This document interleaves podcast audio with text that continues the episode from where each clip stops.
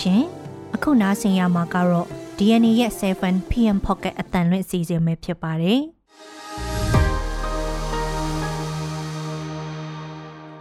ဒီကနေ့ဖေဖော်ဝါရီလ9ရက်နေ့ရဲ့ Pocket အတန်လွင့်အစီအစဉ်မှာတော့မြောက်ဦးမြို့ကိုအေးအေးသိမ့်ပိုက်ပြီးတဲ့နောက်စစ်တမ်းပေါ်3စင်းကိုနစ်မြုပ်အောင်တိုက်ခိုက်တဲ့ဆိုတဲ့အကြောင်းဂျိုင်မယောအကျဉ်းထောင်မှာနိုင်ငံရေးအကျဉ်းသား200ကျော်အစာငတ်ခံဆန္ဒပြနေတဲ့ဆိုတဲ့အကြောင်း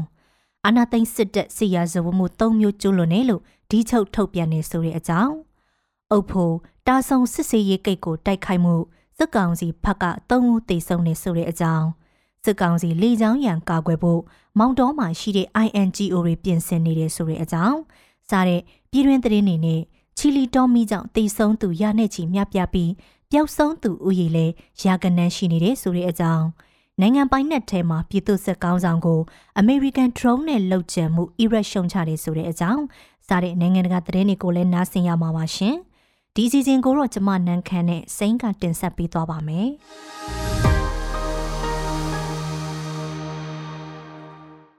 ပထမဆုံးသတင်းတပုတ်အနေနဲ့မြောက်ဦးကိုအေးအေးသိမ့်ပိုက်ပြီးစစ်သင်းမောသုံးစီးကိုနှိမ့်မြုပ်အောင်တိုက်ခိုက်နိုင်ခဲ့တဲ့ဆိုတဲ့အကြောင်းကိုပြပြပေးပါမယ်။ ရခိုင်ပြည်နယ်မြောက်ဦးမြို့ကိုရခိုင်တပ်တော် AA ကတိုက်ခိုက်သိမ်းပိုက်လိုက်တယ်လို့စစ်ကောင်စီတပ်စစ်သင်းမော၃စီးကိုနစ်မြုပ်အောင်တိုက်ခိုက်ခဲ့ပြီးနောက်တစ်စင်းကိုလည်းထိခိုက်ပျက်စီးအောင်တိုက်ခိုက်နိုင်ခဲ့တယ်လို့ညီနောင်မဟာမိတ်သုံးဘွဲကထုတ်ပြန်ပါတယ်။မြောက်ဦးမြို့မှာရှိတဲ့ချင်းမြန်တပ်ခမရ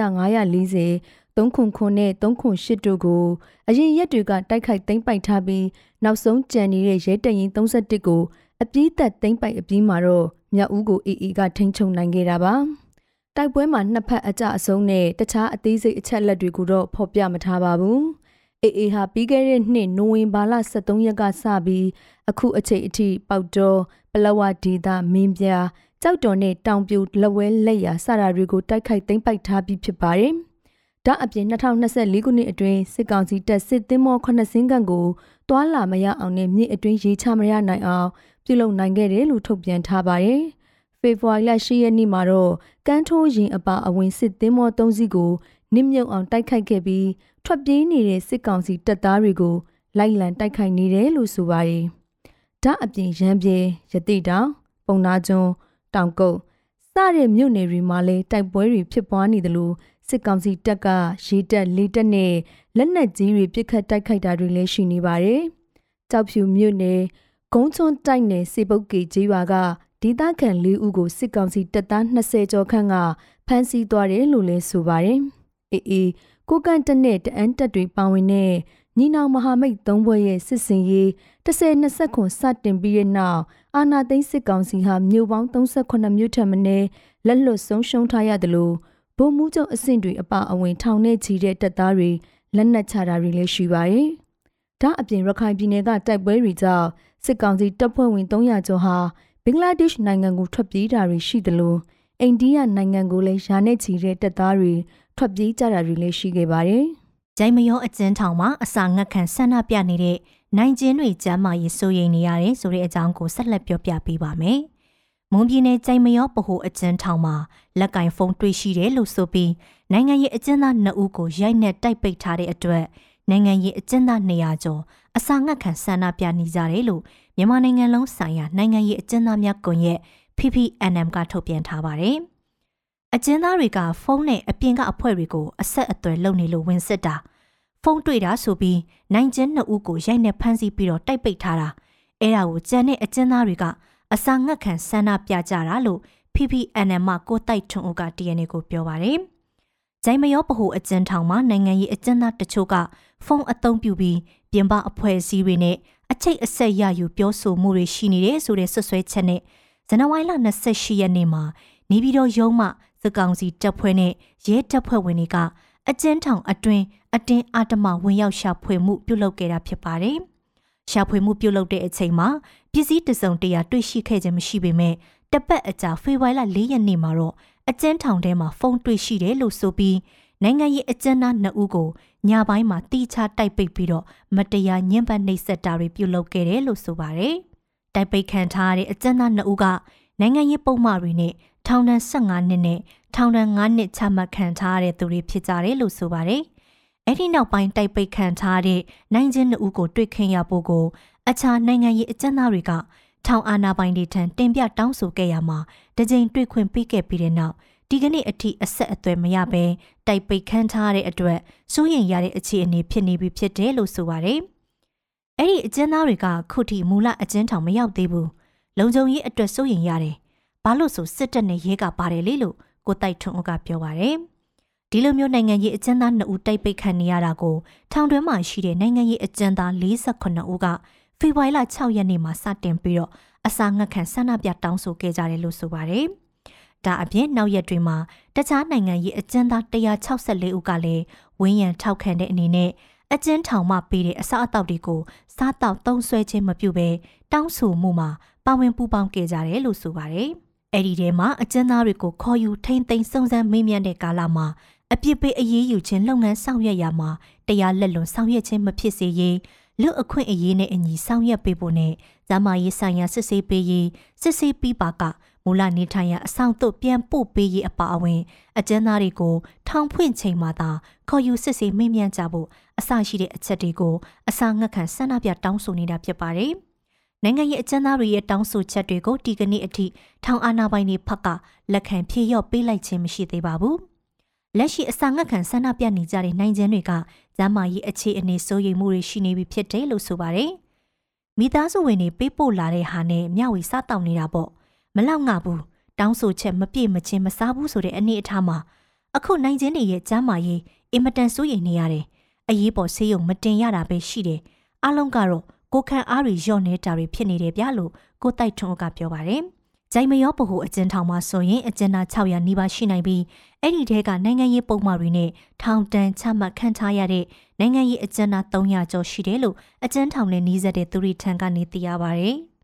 နောက်ထပ်သတင်းတပုတ်အနေနဲ့အာနာသိန်းစစ်တပ်ကစစ်ရာဇဝတ်မှု၃မျိုးကိုကျူးလွန်တယ်လို့ဒီကျုပ်ထုတ်ပြန်လိုက်တယ်ဆိုတဲ့အကြောင်းကိုပြပြပေးပါမယ်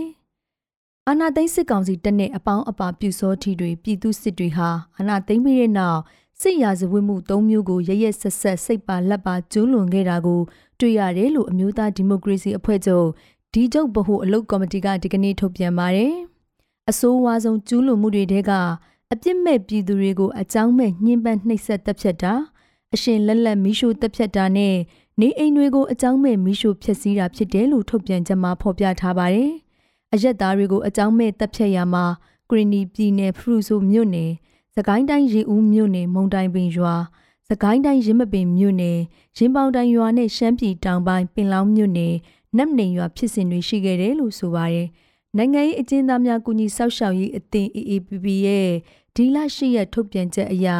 စစ်ကောင်စီလက်ချက်နဲ့ဒီမိုကရေစီရေးလှုပ်ရှားသူတွေနဲ့ပြည်သူပေါင်း4506ဦးသေဆုံးခဲ့တယ်လို့သိရပါတယ်။စစ်ကောင်စီလက်တက်ကလက်ရက်ကုန်းအနံပါ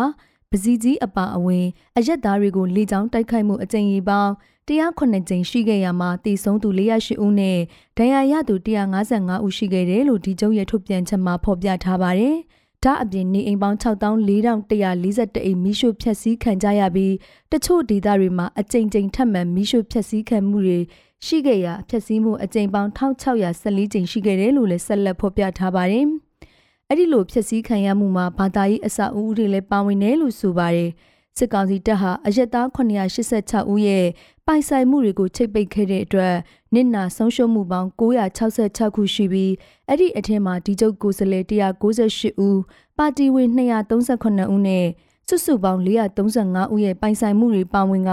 နစ်နာဆုံးရှုံးမှု949ခုရှိတယ်လို့ဆိုပါတယ်။ဒါအပြင်ဒီကျုပ်ရုံးချုပ်ရန်ကုန်အပါအဝင်ရကြေးရုံးတွေအထိဖျက်ဆီးမှု164ကြိမ်ကိုယ်စားလှယ်2ဦးအပါအဝင် ပါတီဝင်ပေါင်း314ဦးသေဆုံးခဲ့တယ်လို့ဖမ်းဆီးခံပါတီဝင်ပေါင်း1905ဦးရှိတယ်လို့လည်းဖော်ပြထားပါတယ်။အဲ့ဒီအချက်အလက်တွေကို2021ခုနှစ်မေလမှာစတင်ဖွဲ့စည်းခဲ့တဲ့စစ်ကောင်စီရဲ့လူအခွင့်အရေးချိုးဖောက်မှုများမှတ်တမ်းကောက်ယူရေးအဖွဲ့ကဒီနှစ်ဇန်နဝါရီလ15ရက်အထိ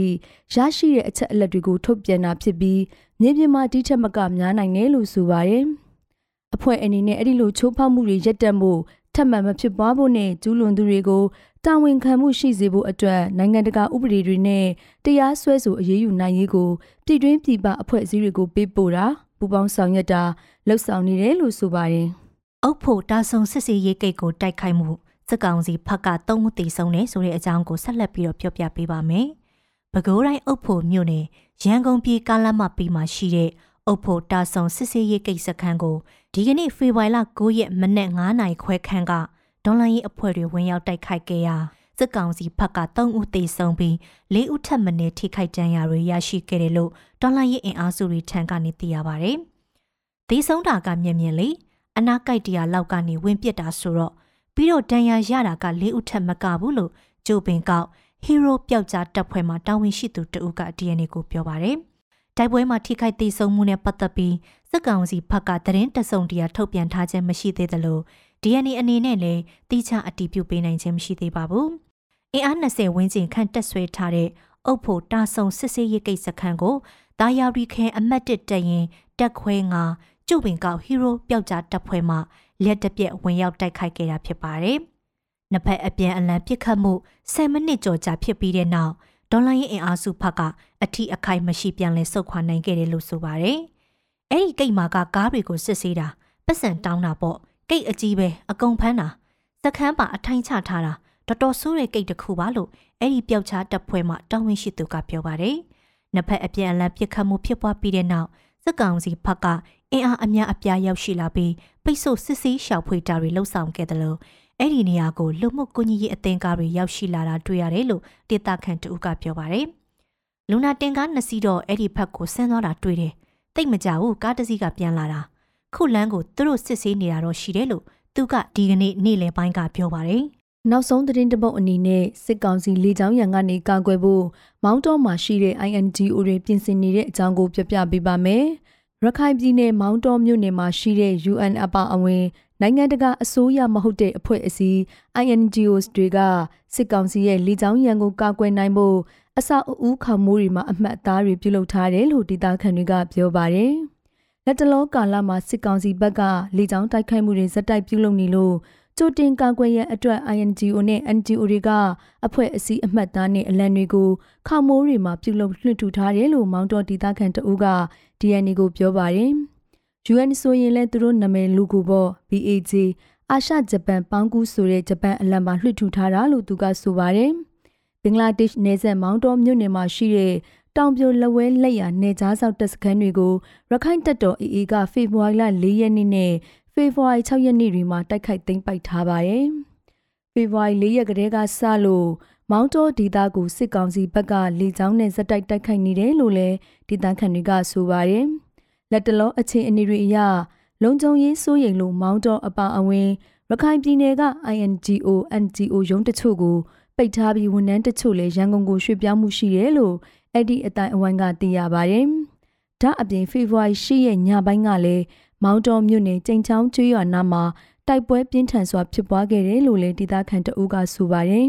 ။တနက်တန်ကလည်းတစောင်းတိုင်ကြနေတာပဲလေရင်လဲကြောက်ရလိုင်းမရ မိမရဘာမှအဆင်မပြေဘူးလို့ဒေသခံတအုပ်က DNA ကိုပြောပါတယ်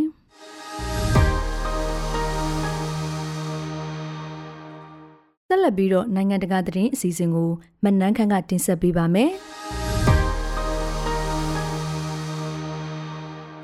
ချီလီမှာတောမီကြောင့်လူတွေယာနစ်ချီတိတ်ဆုံးခဲ့တဲ့အပြင်နောက်ထပ်ယာကနန်းလဲစရင်ပြောင်းနေစေလို့သိရပါတယ်။ချီလီနိုင်ငံအလဲပိုင်းက ဘက်ဘာရိုက်ဆိုဒေသမှာပြီးခဲ့တဲ့သတင်းပတ်တုန်းကအပြင်းအထန်ပြန့်နှံ့လောင်ကျွမ်းခဲ့တဲ့တောမီဟာမြို့ရွာတချို့ကိုပါပျက်စီးပြာကျစေပြီးလူအသက်တွေကိုဆုံးရှုံးစေခဲ့ပါတယ်။တောမီကြောင့်တည်ဆုံးသူ132ဦးအထိအတီးပြုတ်တွေ့ရှိထားပြီးနောက်ထပ်ပျောက်ဆုံးနေသူရာကနန်းလောက်ကိုလည်းကေဂျေရေးတွေကဖြန့်ကျက်ရှာဖွေနေပါတယ်။တည်ဆုံးသူတွေက35ဦးကိုသာဘယ်သူဘယ်ဝါဆိုတာကိုခွဲခြားလို့ရနိုင်တဲ့အခြေအနေရှိခဲ့တယ်လို့လည်းဆိုပါတယ်။ အခုသတင်းပတ်အလဲကစလို့ရာသီဥတုနည်းနည်းပြန်အေးလာပြီးတော်မီကုဆက်မှုတွေအရှင်ရော့သွားခြင်းက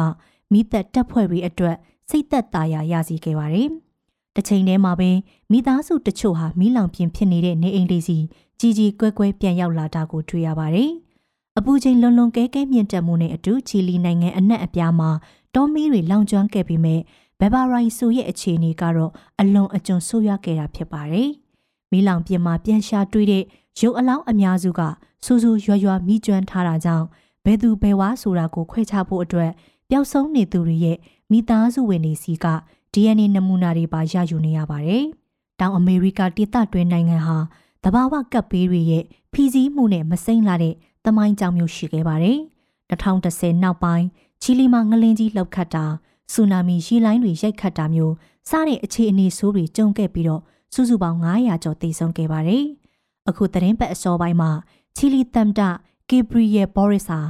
မိပေးတဲ့ဧရိယာတွေကိုကိုယ်တိုင်သွားရောက်စစ်ဆေးခဲ့တယ်လို့ပြန်လည်ထူထောင်ရေးအစီအမံတွေကိုလည်းကြီးညာခဲ့တယ်လို့သိရပါတယ်။နိုင်ငံပိုင်နှစ်ထဲမှာပြည်သူစစ်ကောင်းဆောင်တယောက်ကိုအမေရိကန်က drone နဲ့လှုပ်ကြံတိုက်ခိုက်ခဲ့တဲ့ဖြစ်စဉ်ကိုအီရတ်အစိုးရကအပြင်းအထန်ရှုံချသွားခဲ့ပါတယ်။ ဖေဖော်ဝါရီလ9ရက်နေ့က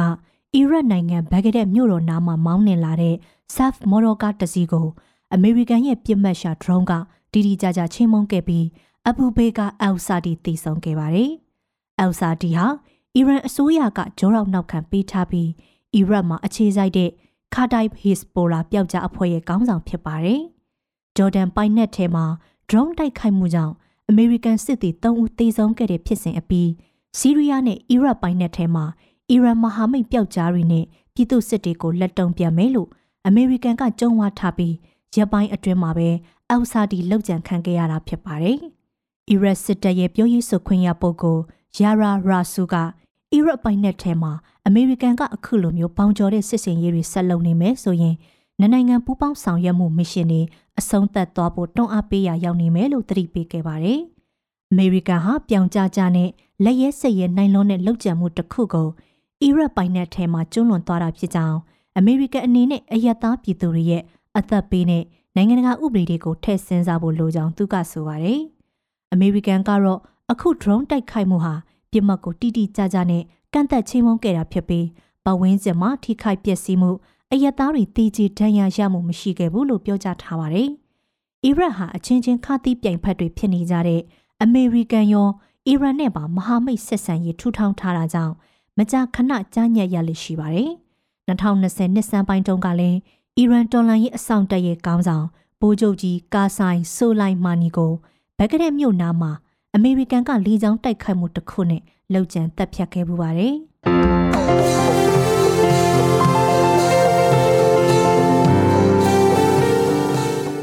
DNA ရဲ့ 7pm pocket အတန်လွင့်အစီအစဉ်ကိုအပတ်စဉ်တနင်္လာနေ့ကနေတောက်ကြနေ့အထိည9:00နာရီတိုင်းမှာတင်ဆက်ပေးသွားပါမယ်။ဒီစီစဉ်ကို Anchor, Spotify တို့မှာနားဆင်နိုင်သလို DNA ရဲ့ YouTube Channel မှာလည်းဝင်ရောက်နားဆင်နိုင်ပါတယ်ရှင်။